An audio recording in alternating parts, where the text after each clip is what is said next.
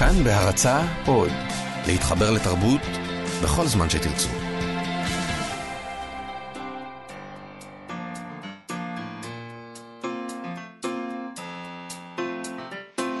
מה שכרוך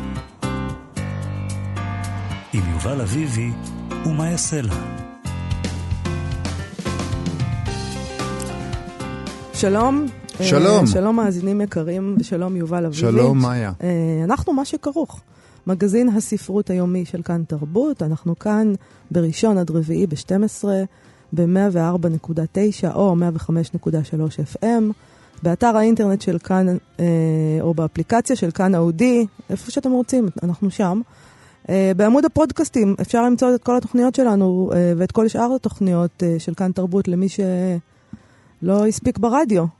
זה, כל הזמן הכל זה נמצא שם כל כל הזמן. מדהים, מרגש. מדהים. Uh, איתנו באולפן אהלן דיונוב ואירה וקסלר. נכון. Uh, אנחנו היום uh, צוות נשי. תיזהר. אנחנו תמיד צוות נשי. נכון. אז תמיד תיזהר, ידידי. אתה לא צ- נזהר?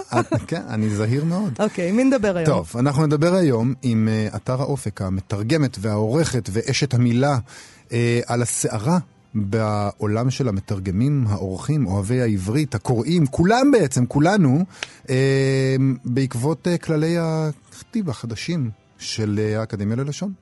נדבר עוד קצת על שבוע הספר. היינו אמורים לסכם אותו כבר, אבל לא הספקנו. נסכם היום אה, עם, אה, עם, סטט, עם, עם מאמר, סליחה, לא סטטוס, של הסופר והעורך אה, רון דהן. אה, האם היא במשבר? האם היא פורחת? לא ברור. אה, האם פשוט אנחנו מתלוננים כמו שתמיד אנחנו נוטים אוקיי, לעשות? אני רוצה להביא היום גם uh, משהו מהבלוג הספרנים של הספרייה הלאומית. יש שם איזו תיאוריה על פרנץ קפקא כציוני. אז אנחנו נקרא מה הם כותבים בעניין הזה, ונפנה זרקור למשורר יקיר בן משה, שיצא לו עכשיו ספר חדש. נדבר עם צעד הספרים שלנו, אילי גרין, מחנות הספרים המשומשים האחים גרין, אבל uh, נתחיל במה שמעסיק אותנו היום. בהחלט. יובל? אני רוצה לדבר על פרויקט מאוד נחמד. אה, מועדון קריאה עירוני של תל אביב. דיברנו פה לפני uh, כמה, תוכני, כמה שבועות על פרויקט שעשו בניו יורק, שבו בוחרים ספר אחד מבין רשימה של uh, כמה, כמה ספרים, וכל העיר קוראת את אותו ספר. Uh, שזה רעיון נפלא באופן עקרוני. אני אז התנגדתי אליו, תכף נדבר על זה, אבל עכשיו אה, מגזין Time Out תל אביב אה, עושה את אותו פרויקט. אה, מחלקים עותקים של חמישה ספרים. לא, לדעתי הם לא יחלקו חמישה ספרים. קודם כל עושים הצבעה בין חמישה ספרים. לא, הם נותנים לאנשים את האפשרות לקרוא, הם דואגים שיהיו עותקים של הספרים האלה בספריות העירוניות, הם מאפשרים להאזין אה, לספרים חינם אה, בגרסת ההאזנה. ה- ה- של הספר שבסופו של דבר ייבחר, אבל אנחנו עכשיו בשלב ההצבעה. אה, אני לא הבנתי את זה ככה. ככה אני מבינה, כן. כרגע יש הצבעה באיזה ספר יהיה הספר שבו, אה, שאותו יקראו כל האנשים. בסופו של דבר יקראו את הספר הזה, יהיה מפגש המוני אה, עם הסופר, וזה יהיה נפלא. נכון. אה, ככה הם מסבירים למה צריך מועדון קריאה, שאתה בזמנו חשבת שזה דבר לא אה, פתטי ועלוב. לא כשזה, פתטי כשזה היה בניו ועלוב. יורק, כשזה היה בניו יורק, עכשיו אתה שינית את דעתך, כי אתה פטריוט תל אביבי, אבל ככה הם מסבירים בטיים-אאוט, קריאת ספרים היא עניין אישי לרוב, לא כולם קוראים כל הזמן את אותם הספרים, ועל כן גם השיח לגביהם לא פופולרי, כמו השיח לגבי סרטי קולנוע למשל, שזה נכון, כולם הולכים כל, לאותו סרט חדש שיצא עכשיו. Uh, הגיע הזמן לרענן את אופן קריאת הספרים ולהפוך אותו לקהילתי יותר לשם שינוי. Uh, ו... בעצם עכשיו אנחנו נמצאים בשלב שבו הם הציעו חמישה ספרים לציבור, יש באתר של טיים-אאוט. Uh, הספרים שמועמדים לקריאה הם המורה של מיכל בן נפתלי שזכה בפרס ספיר השנה, ג'ון טרבולטה ואני של מתן חרמוני, סוס אחד נכנס לבר של גרוסמן, דוד גרוסמן זוכה פרס המן בוקר, כן. תשרין של איימן סיקסק וספר הגברים של ננו הצבע- שבתאי. הצבעת כבר? האמת שכן. מה הצבעת? Uh, יש שם כמה ספרים שאני אוהבת, אבל uh, היה לי די קל לבחור בננו שבתאי. כמובן. כמובן, שאני מאוד אוהבת את הספר הזה, ואני חושבת שזה יכול להיות נפלא, שכמה עשרות אלפי אנשים יקראו אותו באותו זמן. זה במסגרת הצוות הנשי שנמצא איתנו כאן. האמת היא שאני אני מסכים, אני חושב שזה יהיה נפלא. אה, אני לא יודע אם זה יהיה עשרות אלפי אנשים, את קצת אה, אופטימית על הבוקר. אולי אלפים, אבל אני מקווה שאת צודקת. אולי מאות אלפים, אולי זה יחרוג מחוץ לגבולות העיר תל אביב ויהפוך להיות דבר לאומי, הרי... למה לא? למה לא? למה לא? באינטרנט, בטח כל אחד יכול. להצביע בטיימאוט. אה, בהחלט. אתה אה, למי הצבעת? אני גם כן אה, הצבעתי אה, לגרוסמן, שמוביל בינתיים, 30 אחוזים נכון לאתמול בערב. נכון, לננו ראיתי אתמול שהיה, ננו שבתא היו 25 אחוזים, זה אומר שהיא עוד יכולה היא יכולה לעקוף. לעקוף. היא השנייה? הצביעו לננו אתמול. שבתאי. זהו, אני רוצה להגיד עכשיו, כשזה בתוכנית שלנו, מן הסתם זה יהפוך למשהו. שכולם. טירוף, האתר של טיימאוט יקרוס. לגמרי. עכשיו, הזכרת באמת שאני אה, קצת התנגדתי לפרויקט הזה בניו יורק, מכמה סיבות, בעיקר כי יש לי תחושה שאם כולם עושים משהו אחד, אז אני מיד מתנגד, אבל הגיור של הרעיון עשה אותי אה, פודל, ואני מחבב את הפרויקט, אולי בגלל הממדים הצנועים יותר, אולי אני בעצם פטריוט, פטריוט. כן, כן. שזה, שזה רואה- בעברית. לא קל לך, לא לא. קל לך כאילו להגיד את זה, אבל יש להודות. מצב שאתה אז בדיוק. אה, ראיתי ראיון של הסופר ניסן שור בערב חדש, שבו... בערב חדש? כן, אראל. סגל הטיח בו ממש, אתה ציוני! ניסן שור אמר לו, בגלל הספר האחרון שלו. הישראלי האחרון- אה, הישראלי הנצחי, כן. וניסן שור אמר לו, איך אתה יורק את זה עליי ככה, שאתה ציוני, אז גם את כזה, אני פטריוט, מה רע? תפסנו אותך, אתה ציוני. תפסתם אותי, אני... אוקיי. אה, אנחנו רוצים לדבר עכשיו על הסערה שמתחוללת אה, בימים אלה. בעולם המתרגמים והעורכים, ובעצם זו סערה שמשפיעה על כולנו, על כלל הציבור הדובר והקורא והכותב בעברית. האקדמיה ללשון עברית פרסמה ביום ראשון נוסח חדש של כללי הכתיב המלא, ובו שינויים מהכללים שנקבעו לפני כ-70 שנה. כללי הכתיב חסר הניקוד נקבעו על ידי ועד הלשון העברית סמוך להקמת המדינה, בתשרי תש"ח, ספטמבר 1947. עכשיו, אה, במלאות אה, 70 שנה לכללים, אה, ערכה בהם האקדמיה כמה שינויים, מבוססים בעיקר על הניסיון שנצבר במהלך השנים ועל האופן שבו הציבור משתמש בשפה. אז מה זה כולל? תנועת אות תיכתב, אה, תיכתב באות ו' כמעט בכל מקום, כמו אונייה, פעם כתבו בלי ו', עכשיו עם ו'. תוכנית, אה, תוכנת, המילה המושמצת צהריים, צהריים. אה, אומן, לא. אומן, אומן תמיד נכתב ב- עם ו', אבל עכשיו אומן גם ייכתב עם ו', קורבן. וגם יהודים, יש עניין עם יהודים פה, כן. שמוסיפים יהודים. אהה. אה, ופיירות, עיניו, שיער, זה... נתחיל לדבר בציירה. אה, זה חזרה בעצם אה, מין אה, משהו אשכנזי כזה. נכון. אה, קראתי, ב... קראתי את ההסבר של האקדמיה ללשון, אה, וכך הם כותבים. הכללים החדשים הם תוצאה של תהליך ממושך, שראשיתו בבחינת מנהגי הכתיב הרווחים בהוצאות הספרים, בעיתונות ובמרשתת. המרשתת. מרשתת זה אינטרנט, למי שלא יודע. אה, עוד הם מסבירים, המשכו בהצעה שהכין צוות מצומצם לקראת הדיון בוועדת הדקדוק, ובהתייעצות עם חברים רבים באקדמיה. הדיון הסופי בכללים היה במהלך השנה בשלוש ישיבות של מליאת האקדמיה. אה, הם הדגישו שם, הדגישו שם שהשינויים תקפים מעתה והלאה, כך שספרי לימוד למשל לא ישונו, ישונו בדיעבד. אה, יושב ראש ועדת הדקדוק של האקדמיה, פרופסור יוסף עופר, אמר, ועדת הכללים, הדקדוק. הכללים החדשים אינם פתרון קסם לבעיות הכתיב העברי.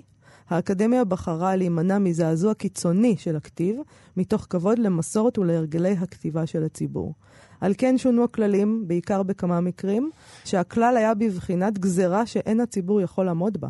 כגון הכלל שאין כותבים ו' במילה יוזמה וכיוצא בזה. אני אוהב את הדרך, זה ממש חשוב. זה חשוב. זעזוע, פתרון, טוב, בוא נדבר על זה. שלום אה, לעורכת ולמתרגמת. אה, אתר האופק, אה, שמן הסתם השינויים האלה ישפיעו על עבודתך. על אה, חייה. על חייך, מאוד. מה דעתך? לא ישפיעו. לא ישפיעו, ישפיעו. אתר המתנגדת. כמו שאני אוהבת. באמת? רגע, אה, אבל את הולכת בספר... להתעלם מזה? לא, תראה, יש חלק מהדברים שהם אה, ממליצים עליהם שאני כבר עושה הרבה זמן. כמו מה? אני אומרת שהקורא הוא המלך. מילים ש... אה, תראה, הרבה מאוד, עברית אגב, אולי גם ערבית ואולי יש עוד כמה שפות נדירות, הן מה, מה, מהשפות היחידות בעולם שנדרשת אינטליגנציה בשביל לקרוא אותן. מפני שאם כתוב, אה, אה, נגיד, אה, הנשיא היה בבון, אז אין דרך אחרת לכתוב את זה, אלא בניקוד, או שתחשוב שהנשיא היה בבון, בבון. נכון? זאת אומרת, אתה צריך, אין, אי אפשר, בניגוד לשפות אחרות, שכל מה שאתה צריך זה להכיר את, את השפה, ואז אתה יכול לקרוא בלי להפעיל את השכל. כן. אתה תקרא נכון. בעברית וגם קצת בערבית, אתה חייב להפעיל אינטליגנציה ולקרוא את המילה בהתאם להקשר שלה. Mm. שום כללי כתיב לא יעזרו לנו לדעת שזה בבון ולא בבון. אבל רק מה- זה האינטליגנציה. אבל מקומם אותך שבעצם, אם אני מבינה נכון, מה שהאקדמיה מנסה לעשות זה להקל על הציבור, להגיד, אז אוקיי, דברים- סליחה, להקל, אז, ת- אז תקלו במילים שבהן יש אה, אפשרות להתבלבל, וזה אני עושה שנים, אני לא אכתוב פ, אה, פרות במקום פירות, כש, בעיקר כשיש אה, אה, אה, סכנה שלא יבינו, אבל כן. למשל, את ה-W אליי, עליי, הוריי, יש מקרים, אני, אני אגב אה, אה, מתוודה פה, יש לי הכנסה אה, קבועה בתור מגיהה יומיים בשבוע מול איזה מקומון של ידיעות, שאני עושה את זה בין השאר בגלל שלא האמנתי כבר שבגלגול הזה עוד אני אעבוד בפרינט, וזה תענוג, אני נוסעת לי לעפולה ועובדת עם אנשים בפרינט, מי רוב האנשים שעובדים. בפרינט עדיין לא מאמינים שזה עדיין קורה בפרינט להם. ובעפולה, זה גם אה, מדהים. עניין. כן, לא ייאמן, זה ממש, זו זכות גדולה, הם לא יודעים שהייתי משלמת להם על זה, לא משנה. עכשיו הם יודעים, כי כולם מאזינים לנו. עכשיו, אני באופן מחתרתי מכניסה שמה, למשל, אני כותבת אה, לגמור במקום לסיים, אני כותבת אשתקד במקום בשנה שעברה. אה, את רדיקלית. מאוד, משהו, אני מקווה שלא יגדו את זה מחתרת הפרינט. לגמרי. אז באמת, יש מקומות, נגיד, אה, אה, אה, יש דברים שאתה לא, נגיד בעיניי, עלולים לחשוב, לחשוב שזה בעיני, אז בעיניי אני משאירה W, אבל אה, מילים כמו אליי ועליי, לא. לא נראה לי נכון ללכלך את הנייר בכל כך הרבה יהודים סתם. אני, אני, אני רוצה להתוודות בפנייך על משהו. כן. Uh, אני תמיד חשבתי שאני יודעת עברית על בוריה. ממש כן. גאון בעברית. ואני אפילו מהאנשים המרגיזים האלה שמתקנים מתקנים. את הילדים שלהם. לא, רק את כן. הילדים שלי, לא... אוקיי, אוקיי. וכשהתחלתי לשדר ברדיו לאחרונה, גיליתי שהעברית שלי ממש מקולקלת. אה, אנחנו קיבלנו, גם יובל וגם אני, מיועצת הלשון של הרדיו שלנו, סמדר כן. כהן, רשימה של קלקולים, שזה פשוט היה מביש. כלומר, הי- הייתה לי את התחושה הזאת, אני חשבתי שזאת השפה שלי, ופתאום הסתבר לי שאני מאוד מאוד עילגת, זה משבר זהות, ואני אגב מתנצלת בפני המאזינים על כל טעות שעשיתי ואעשה. אף אחד כמעט לא מדבר כמו אבל- הכללים, אז, אין מה לעשות. אז האם יש טעם בלהקשות? זאת אומרת, אני אגיד לך למה, כי אה, נגיד, דברים שהיא אמרה לנו, פה ושם היא אמרה, יש מילים ש, שברדיו אנשים, אה, שדרנים, לא אומרים אותם כדי, כי זה מסובך מדי. למשל, הם- צהריים, למשל. למשל צהריים. לא אומרים צהריים טובים, כי צריך להגיד צהריים טוב. אז לא אומרים. אז, אז זה- אבסורד. מה עם אלה שאומרים צהריים? לא, באמת, האמת, לי לא כל כך מפריע לא הגייה ולא... ויותר חשוב לי בעיניי אה, לשמור על מסורת בכתב. אז גם בכתב Mm. דברים זזים. אגב, אני מגלה בספרים משנות ה-70 וה-80 של האלף שעבר, גם כן עודף יהודים, אה, מגדל, רצפה, כל מיני דברים עם יוד וכאלה. אבל העניין הוא שהאקדמיה עשתה החלטה אומללה בעיניי, אה, לפני, אני לא זוכרת מתי זה היה, כשהם החליטו שהייתה יהיה עם דאבל יוד, כן. שכל בנפרד, זאת ההחלטה הכי אומללה, כל בנפרד יהיה עם ו', כל בנסמך בלי ו'. מי אי פעם התבלבל במילה כל? נכון. בשביל מה הו' הזאת? אז מה שקרה זה שעכשיו כולם כותבים כל בו'. כל הזמן. בשביל מה? למה עשיתם את זה? למה הייתה בשני יהודים? ולמה אימא צריך יוד? למה עשיתם את זה? אבל בואי אז- נדבר רגע גם על המקרים שאנשים כן מתבלבלים. האם אנחנו לא צריכים ל- ללמד אותם את הדבר הנכון, אה, ודרך באמת כתיבה אה, ספרותית? אה, נכונה, בוודאי, פשוט. נכונה, כן. את בוודאי מכירה את התיאוריה, נדמה לי שזה גלעד צוקרמן, הבלשן גלעד צוקרמן, שטוען בעצם שהשפה הכתובה צריכה להיות, אה, צריכה, השפה בכלל צריכה להתעצב לפי מה שהקהל אומר, ואז אנחנו בדרך אה, השפה במדרון... המדוברת, הוא מודה בעצמו, השפה כן, המדוברת הוא כן. מדבר על המדוברת. המד- המדוברת, כן, ואז אני אנחנו- מסכימה. ואז אני אנחנו גם, במדרון אני לא אומרת חלקלק. לקפוץ, אני לא אומרת לתפור, אני לא אומרת לדפוק בדלת, גם אתם לא. לא. ואני לא, ולא אכפת לי שיגידו שאז אני, אני לא אה, ראויה שיגידו שאני אה, יודעת לשון. העברית המדוברת, אין מה לעשות, בכל שפה יש את הקטע הזה שהעברית, שהשפה המדוברת היא קצת שונה. אבל לשנות בגלל זה כללי כתיב עד כדי אה, אה, טמטום, סליחה, מילא, בסדר, אז אומרים שמיים, לא יודעים אם כתוב שמיים, אם זה סמים כן. שמים על השולחן או שזה שמיים. סליחה, יודעים את זה לפי ההקשר, אבל עכשיו עם שמיים הכנסתם יוד, מה ימנע מכם להכניס מים עוד יוד? שזה יהיה מם יוד יוד מם? ומאיה, אני אתחיל לכתוב את השם שלי עם שני תגידי, זה- זה- מאיה. האקדמיה, האקדמיה, אה, אה, זה המלצה שלה, או זה שזה... יותר זה- המלצה, אבל תראה, אני למשל בפעולה חתרנית עשיתי, אתם רוצים להבדיל בין קול וקול? בואו נבדיל גם בין זיכרון לזיכרון. זיכרון יעקב, אני כותבת בלי יוד. ביטחון המדינה, אני כותבת בלי יוד. ביטחון עם יוד, ביטחון לא. זיכרון עם יוד, זיכרון לא וכולי.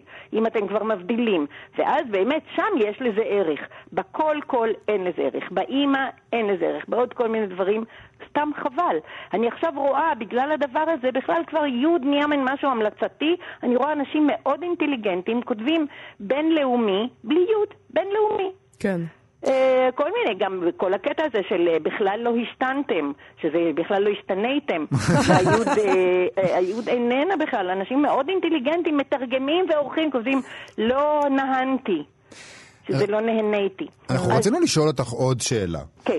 שונה לחלוטין. את שייכת ל- ל- לחלק מעולם הספרות שנמצא הרבה פעמים מאחורי הקלעים. נכון. אה, אתם לא מקבלים הרבה מאוד קרדיט, עורכים ועל אחת כמה וכמה בוא אה, נתחיל מתרגמים. שאם היו מקבלים הרבה מאוד כסף, היינו מוותרים כבר על הקרדיט. אבל אנחנו עובדים כמו חמורים. מקבלים גרושים. תראה, התעריפי מינימום ש- שהתפרסמו לא מזמן הם שערורייה. מזל שהתפרסמו כי יש גם כאלה שמציעים מתחתם. אבל גיליון דפוס לתרגם לוקח לפחות שבוע, אם לא יותר, לפעמים זה הרבה מה יותר. זה גיליון דפוס? תגידי למאזינים, כי הם לא 24,000 יודעים. 24 אלף סימני דפוס, שזה כולל הכל, כל אה, הקשה שלך על המקלדת, חוץ מ... יש המו"לים שעובדים על 24 אלף אה, סימני דפוס בלי רווחים, זאת אומרת, הכל כן חוץ מהרווחים, תודה רבה, זה מקטין את זה באחוז אז זה מאוד לוקח ניכר. כשבוע עבודה? בוא נגיד, תלוי, יש ספרים שאני יכולה בגיליון דפוס לעשות בשלושה ימים, נגיד, ומה אם הם ומה קלים. ההמלצה לשכר? Uh, המינימום זה 900 שקל לגיליון דפוס. עכשיו, כשאתה עובד רק בזה, אתה לא, לא הגיוני שתקבל 900 שקל לשבוע. מדהים. זה לא ייאמן. עכשיו, אני גם, אם הציעו לי, שאני כאילו, יש לי שם וותק, אני עובדת כבר עשרות שנים בתרגום, והתעריפים רק יורדים במקום לעלות. אם לפני, בוא נגיד, קרוב לעשר שנים שילמו לי 1,200 שקל על, אה, על, אה, גיל, לגיליון דפוס בכלל בלי למצמץ, היום מציעים לי 900 שקל ואני טורק את הטלפון. אה, תודה רבה, אני טוב, לא יש מוכנה. הרבה אנשים מן הסתם שלא יכולים לטרוק את הטלפון. נכון, והם מתרגמים בשביל 800 ופחות. אי אפשר להגיד. אי אפשר להגיד שזה לא ניכר בתרגום, העניין הזה של- של התשלום. את לא חושבת? סליחה, אה, אה, אה. תראי, אז תראי, בדיוק היה לי דיון על זה בפורום המתרגמים בפייסבוק, מתרגמים ועורכים, שמי שבאמת מתרגם מקצועי לא יכול להוציא תחת ידו עבודה רשלנית רק בגלל שמשלמים לו הרבה פחות ממה שמגיע לו. אתה לא כן. יכול, גם השם שלך שם. לא חשוב שבאמת לא נותנים קרדיט. וכל הכבוד למתרגמת, וקודם כל אלה ממאן בוקר שחילקו את הפרס בין המתרגמת ובין הסופר, מפני נכון. שבאמת המתרגם הוא זה שאחראי לחוויה של הקורא. לא מזמן יצא ספר של דיוויד פוסטר וולס, הרצאה שלו, מהממת, נהדרת, היא מוגשת גם בצורה מאוד אה, יפה כזאת של משפט, כל...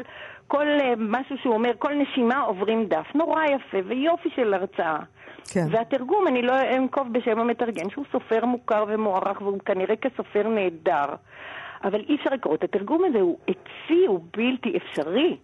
אה, אז, אז אני אומרת, אה, צריך לתרגם, צריך לתת באמת לאנשים שמתרגמים טוב, שמבינים שלתרגם זה לא לתרגם מילולית את מה שכתוב שם, אלא לה- להבין מה הסופר רצה להגיד ולהגיד את זה בעברית מחדש. לא לתרגם את המשפט כמו שהוא כתוב. ברור, זה לא Google Translate פה. זה עבודה מסוג אחר, נכון. כן. טוב, אה, עטרה, תודה רבה לך. תודה רבה לאתר האופק, אה, אני יכולה עוד ותחזיקו להכניס מעמד. מילה? בוודאי. כן. שיש מתרגמים טובים שעובדים בשביל גרושים בגלל שהן מתרגמות. אין לנו כוח מיקוח כמו, אני- מסתבר, יש לי חברה שעשתה אה, סקר בעניין הזה וראתה שקולגות שלה שנמצאים הרבה פחות זמן בשוק, אה, מתרגמים, הרבה פחות ניסיון, מקבלים פשוט אה, יותר. גברים אז- מקבר- מקבלים יותר מן... טוב, כמו זה- בכל כ- מקצוע, ככה זה לא ייאמן. גם לא ייאמן. יובל, כמה? לא, אנחנו מקבלים אנחנו אותו דבר. מקבלים אותו אני דבר? אני אני כן. רוצה לראות את החוזה שלך. זה פשוט לא אני אעביר יאמן לך שזה ככה. אני אעביר מדהים. לך אחר כך. אוקיי, תודה רבה, אתר זה האופק. דבר חשוב שהוספת, נכון, תודה. תודה רבה. לך. תודה. רבה. ביי. אני רציתי לציין שמבחינת הקרדיט לפחות, אה, יש איזה, איזה, אה, אולי איזה תיקון קטן בהוצאת לוקוס, אה, ראיתי בשבוע הספר, שעל כל כריכה מופיע שם המתרגם, וזה נהדר. נכון. אולי ככה צריך לעשות את זה. שם הספר, שם המחבר, ושם המתרגם, במקרים שזה מתורגם. נעבור לפינת גנזים? כן. תשמע, אני מצאתי משהו מאוד מעניין שכתב חן מלול בבלוג הספרנים של הספרייה הלאומית על פרנץ קפקא, שאותו אנחנו תמיד אה, מאוד אוהבים. כמובן. אה, וה- וה- ויש פה איזו הנחה שתסתבר ש... שיש, היה, הייתה לקפקא, ככה הם אה, מנסים אה, לרמוז, הייתה לו איזו זיקה לציונות. אוקיי, אז, אז כך כותב אה, חן מלול על הדבר הזה. בסתיו 1911 הציע קרל הרמן לגיסו פרנץ קפקא להצטרף אליו בהנהלת מפעל לייצור אסבסט שהקים לאחרונה. האפשרות של הכנסה נוספת עבור המשפטן שעבד בחברה הממשלתית לביטוח עובדים מפני תאונות קסמה לו, לפרנץ שלנו. על אף שראה בחובותיו במפעל מטרד בירוקרטי נוסף בחייו הבירוקרטיים ממילא. על סמך עובדה זו מיהרו ביוגרפים רבים של קפקא לבטל את תרומתו להצלחת המפעל, וקבעו שהמשפטן והסופר ניצל כל הזדמנות כדי לחמוק מחובותיו המקצועיות. זאת אומרת שקפקא בעצם היה רשום שם, אבל הוא לא ממש התעניין במה ש... זה, זה מה שחשבו. זה, זה, זה, תואם לדמותו, אני יפה. חושב. עכשיו, אה, מה חדש ב... למה הם... אה, זה? אה, דוקטור סטפן ליט מצא מודעה לאחרונה בספרייה הלאומית, כן.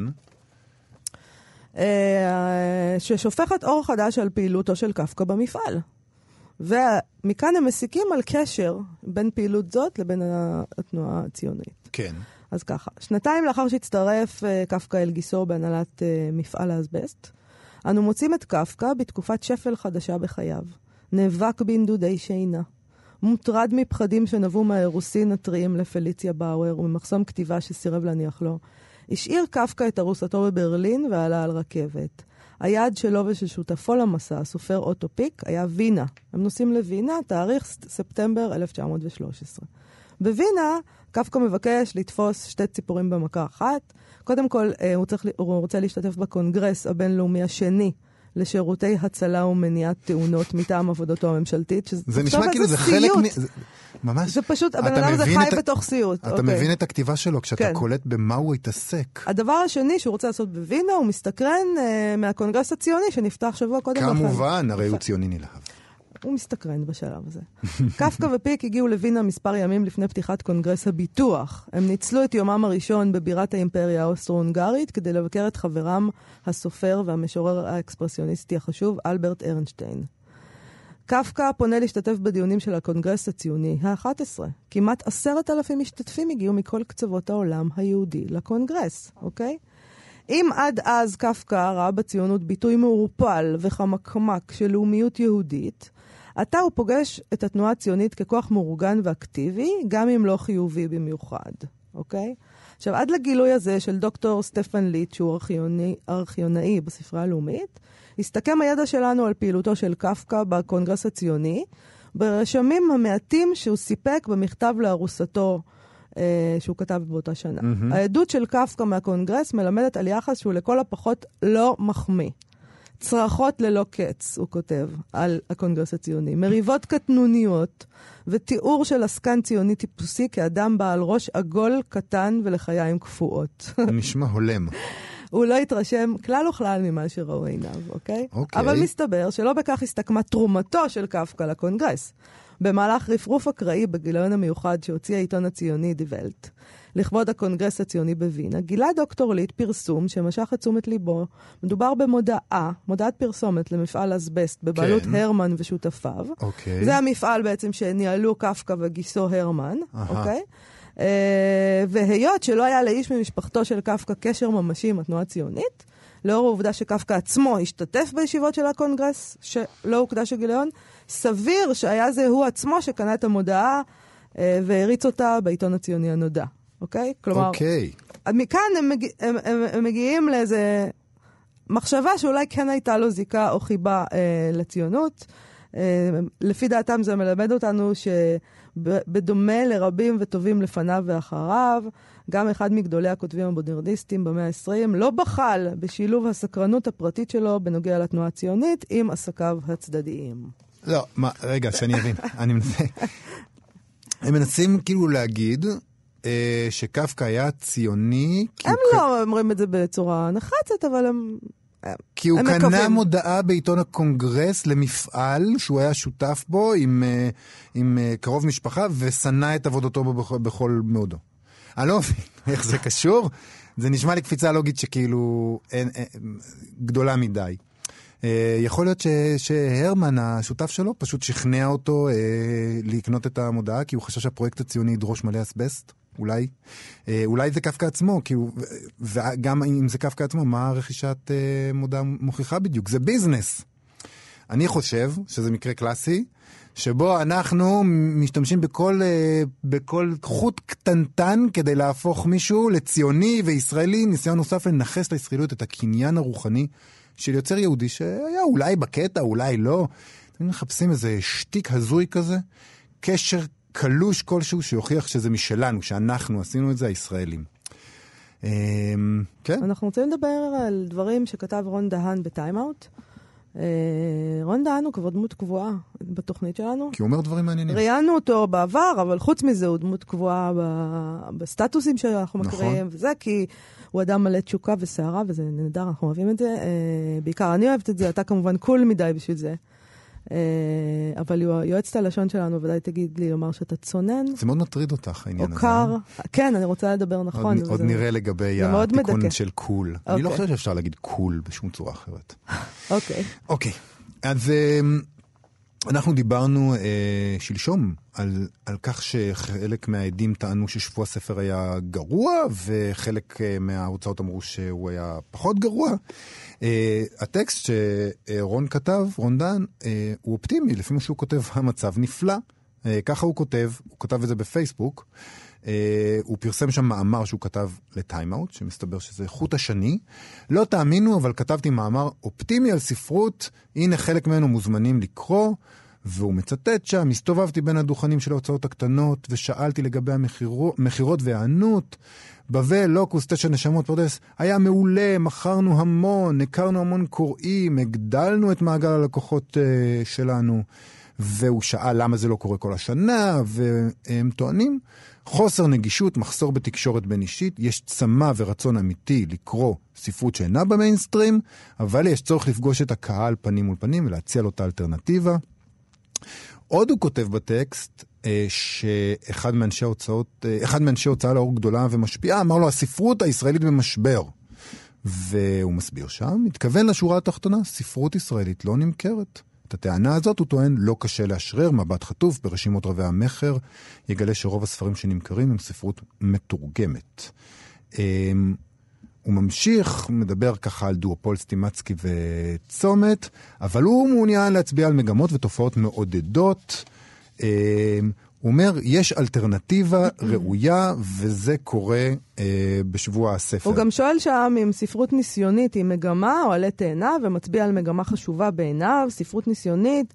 אה, הוא טוען, תוכלו למצוא בעיקר במסדרונות הספרות העצמאית, הדיגיטלית או בפייסבוק אה, וכולי. יחד עם, יחד עם זאת, השנה, כך נראה, הגיעה הספרות הניסיונית גם למסדרונות ההוצאות לאור. סדרת רוח צד של הוצאת אה, כנרת זמורה ביטן הצהירה שהיא מעוניינת לתת גב כלכלי והפצה ראויה לספרות, שבדרך כלל לא מגיעה אל הקוראים, ועוד לפניה סדרת מלח מים מבית הוצאת פרדס וכן הלאה. אני, אני, אני רוצה להבין ממנו האם, האם הספרות במשבר או לא. אני רוצה שהוא יחליט. הוא, הוא, הוא רגע אחד אומר, הספרות הישראלית במשבר, ואז הוא אומר, לא, היא לא במשבר. הספרות הישראלית תמיד אומרים שהיא במשבר. אה, מה שאומר שהיא לא באמת במשבר אף פעם. תקשיב, אני חייבת להגיד שאני שונאת את העמדה הזאת שאתה מייצג, מציג. אה, יש בעמדה הזאת איזה מין שוויון נפש כלפי הכל. אני חושבת שכבר עדיף לחוש דחיפות לגבי משהו. אתה כאילו מעל הכל, בסדר, שיבושם לך, אני עם רון דהן במקרה הזה, כלומר, לא באופטימיות דווקא. אני חושבת שחלק מההוצאות אה, שהוא מונה וחלק מההישגים אה, שהוא מונה, זה דברים מזויפים, עם דאווין של רדיקליות, או בעברית, נגיד, רושם של קיצוניות במקום דאווין. אבל אני מעדיפה את האופטימיות שלו על שוויון הנפש שלך. כי שקט הוא רפש. תראי, אני רוצה להגיד אה, משהו על ההוצאות הקטנות. ההוצאות הקטנות שהוא מזכיר, הוא, שהוא משבח את הצלחתן, אה, הן נשענות כמעט באופן בלבדי על תרגום. נכון. זאת אומרת, הוא מדבר על ההצלחה שלהן בכזה שבח, אבל בעצם הן לא תורמות המון לספרות נכון. uh, המקור. אתה צודק. אמ, אז זה טוב שספרות מתורגמת לא מיינסטרימית מצליחה, או שזה לא טוב. עכשיו, סדרת מלח מים למשל, שהוא באמת מזכיר אותה וזה נהדר, אה, נהדר היא אכן חריגה אה, בנוף הספרותי. סדרת רוח צד של כנרת זמורה ביטן, תראי מי שם. לאה עיני, שמעון הדף, אלק אפשטיין, שמות שהיו יוצאים לאור בכל מקרה. וכבר הוציאו לאור ספרות אה, ניסיונית אה, אה, גם אה, בעבר. וחוץ מכל זה, אה, גם ההוצאות הקטנות לא ממש מסכימות עם האופטימיות שלו. אה, בדה מרקר כתבו שלמרות המכירות המוצלחות, המו"לים הקטנים מפנים אצבע מאשימה לעבר התאחדות המו"לים, מתלוננים על התשלום שנגבה מהם עבור דוכן אה, ביריד. הם אומרים שהם אה, יחרימו את אירועי שבוע הספר, הם אומרים שזה לא משתלם. אה, בסך הכל אה, הם אומרים שהמצב לא איי איי איי, אז אה, מצד אחד הוא אומר שהוא אופטימי, מצד שני הסיבות שלו לאופטימיות אה, לא ברורות לי. נכון. טוב, אז הכל... תמיד צריך לחשוד שהכל זה גם פייק ניוז וגם uh, יש uh, כל מיני אינטרסים לכל מיני אנשים. בהחלט. והסוחרים, זאת אומרת, מו"לים שמוכרים ספרים אמנם, אבל הם, הם רוצים תמיד להציג איזה מצג שהכל טוב כדי שנמשיך לבוא, אבל מצד שני, זה תמיד מאוד מאוד מורכב כל העניין הזה. Uh, ואני חושבת שאנחנו צריכים uh, לפעמים פה ושם להתמקד בספרות עצמה, ולכן... בואי נתמקד בספרות עצמה. בבקשה, אוקיי. את רוצה להקריא שיר. אני, תראה, אה, אני יצא עכשיו ספר שירה חדש אה, של המשורר יקיר בן משה, כן. שנקרא הדלתא של חייך, בהוצאת מוסד ביאליק. יקיר בן משה אה, הוא יליד תל אביב, 1973, בוגר בית ספר לשירה של אליקון, זה הספר החמישי שלו. ונקריא משהו קטן שמאוד מאוד אהבתי מתוך הספר הזה, אני אשמח. אה, שיר שנקרא "לו הייתם נאמנים". ובכן, אני מוציא את החיים לטיול, כמו כלב צעיר, ברצועה דקה, שלא יברחו לכביש, שלא ישחקו אמת או חובה עם המוות. אני מלמד אותם לשבת ולקום, למרוד, לקטוף פרח, ליפול ולחיות. אך החיים, כדרכם, אינם מקשיבים. נועצים את חותמם באדמה, מתרוצצים, ומרחרחים גומות חן, שאלוהים פיזר על פני הטבע. הו, חיים ארורים, כבר יומיים, לא שמעתי מכם מילה, גם לא נביחה, רק צחנה רוטטת, תחת מרצפות אספלט הגוף. אה, זה שיר יפה מאוד. נכון? כל הכבוד לו. טוב. אמרנו באיזה הוצאה זה יצא? אני לא זוכר. מוסד ביאליק. מוסד ביאליק. יקיר בן משה, הדלתא של חייך. נהדר, תודה שהבאת את זה. אה, נעבור לפינת אה, צייד אהבת הספרים את השיר? שלנו. רגע. אהבתי מאוד את השיר. שוב, את זורקת לי רמזים. קטנים. גם את הרמזים אה, האלה אני מבין היטב, אני מפנים. אני זוכר שיש לך אקדח מהשיר הקודם, ואני... טוב, בוא נעבור לאילי. אילי, צייד הספרים שלנו מחנות הספרים האחים גרינץ, חנות הספרים המשומשים. שלום אילי. שלום, שלום, מה נשמע? קודם כל, איך היה שבוע הספר האלטרנטיבי שהסתיים אה, גם כן? אה, היה לנו מעולה, הייתה כמות ממש ממש רבה של אנשים. אה, שנה פשוט היה מאוד מאוד פיזי. פיזי? פיזי, סוחבים הרבה ספרים. אנשים חושבים. ש... שהמקצוע שלנו הוא בעיקר אינטלקטואלי, אבל הם שוכחים שספרים זה דבר מאוד כבד. אני לא, נכון. אני לא רוצה לעבור דירה רק בגלל ארגזי הספרים, זה סיוט. ואני רואה המון דירות בשבוע ומעביר להם את הספרים, אז אני בעצם סבל. מעולה. אנחנו uh, משתתפים בצערך. למה? אני אוהבת את ההיבט הפיזי הזה של העבודה. את חושבת שזה מגניב? ברור. שם הפינה. זה מאוד גברי. אה, סבל ספרים מעכשיו. מעכשיו סבל ספרים, לגמרי. אוקיי. מה הבאת לנו היום?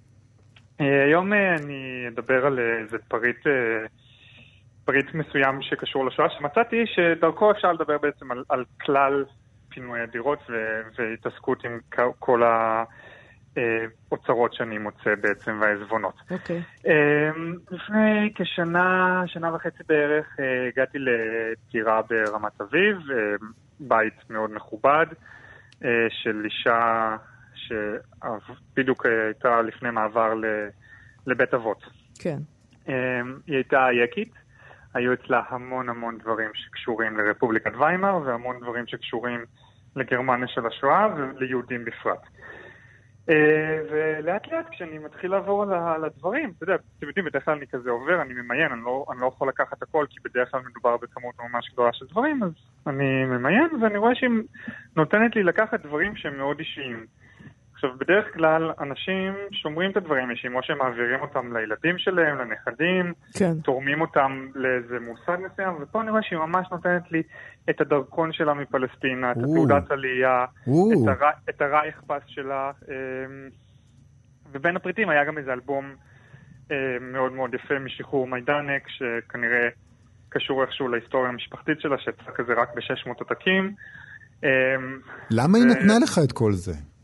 בדיוק מה ששאלתי אותה, והיא אמרה לי שתקשיב, אני, מצד אחד אני פשוט לא רוצה יותר אה, להיקשר לדברים האלה, ולא נראה לי שהילדים שלי ימשיכו, ופשוט היא החליטה להעביר את הכל, וזה באמת באמת היה מהדברים המוזרים, ואז שאלתי אותה, רגע, אבל מבינה שזה דברים ששווים ערך, אז היא פשוט סירבה לקבל כסף, והיא ביקשה שאני אתרום את הכל לאגודת, אה, לאגודת בנות. אה, היא לא הסכימה שת- שתשלם לה על זה? שום דבר, היא אמרה כל מה שאני עושה רווח, שאני אתרום לאגודת בנות שחוזרות ב... בשאלה. וואו. כן, וכך עשית? כך עשיתי. רגע, וזה דברים שבאמת שווים הרבה כסף? שמכרת? היה, היה פריט אחד שהיה שווה די הרבה, ו... איזה- איזה פריט זה. היה? אתה אלבום, זוכר? אה, שחרור- אלבום שחרור שצויר על ידי אה, צייר אוקראיני שפשוט בימים הראשונים של, ה... של הכיבוש של המחנה פשוט ישב וצייר כל מה שהוא ראה. זה הדבר שאמרת שהודפס ב-600 עותקים? 600 עותקים, כן, מדהים. כן. וואו, זה מדהים. טוב, זה מאוד מרגש, סיפור מה מרגש שסיפרת מאוד. עכשיו, כן. מאוד ועצוב. אתה כאילו, אתה בעיקרון באת לשם בשביל הספרים, וגילית את האוצר הזה? אני, כן, נקראתי לפנות את הספרייה. אה, אז יוזמה טובה מצידך. כל הכבוד. כן, לגמרי. סיפור מאוד מרגש. תודה רבה לך, אה, אילי גרין. תודה אליי, להתראות בשבוע הבא. נתראות. ביי. אילי גרין מחנות הספרים המשומשים, האחים גרין, אנחנו בעצם uh, סיימנו, נכון? נכון. אנחנו כאן מיום ראשון עד רביעי, מ-12 עד 1, 104.9, 105.3 FM. ניתן למצוא אותנו גם באתר האינטרנט של כאן, או באפליקציה כאן אודי. בעמוד הפודקאסטים אפשר למצוא את כל התוכניות שלנו, ואת שאר התוכניות של כאן תרבות. איתנו עשו את התוכנית יאיר ניומן ואירה וקסלר, אנחנו נהיה פה גם מחר.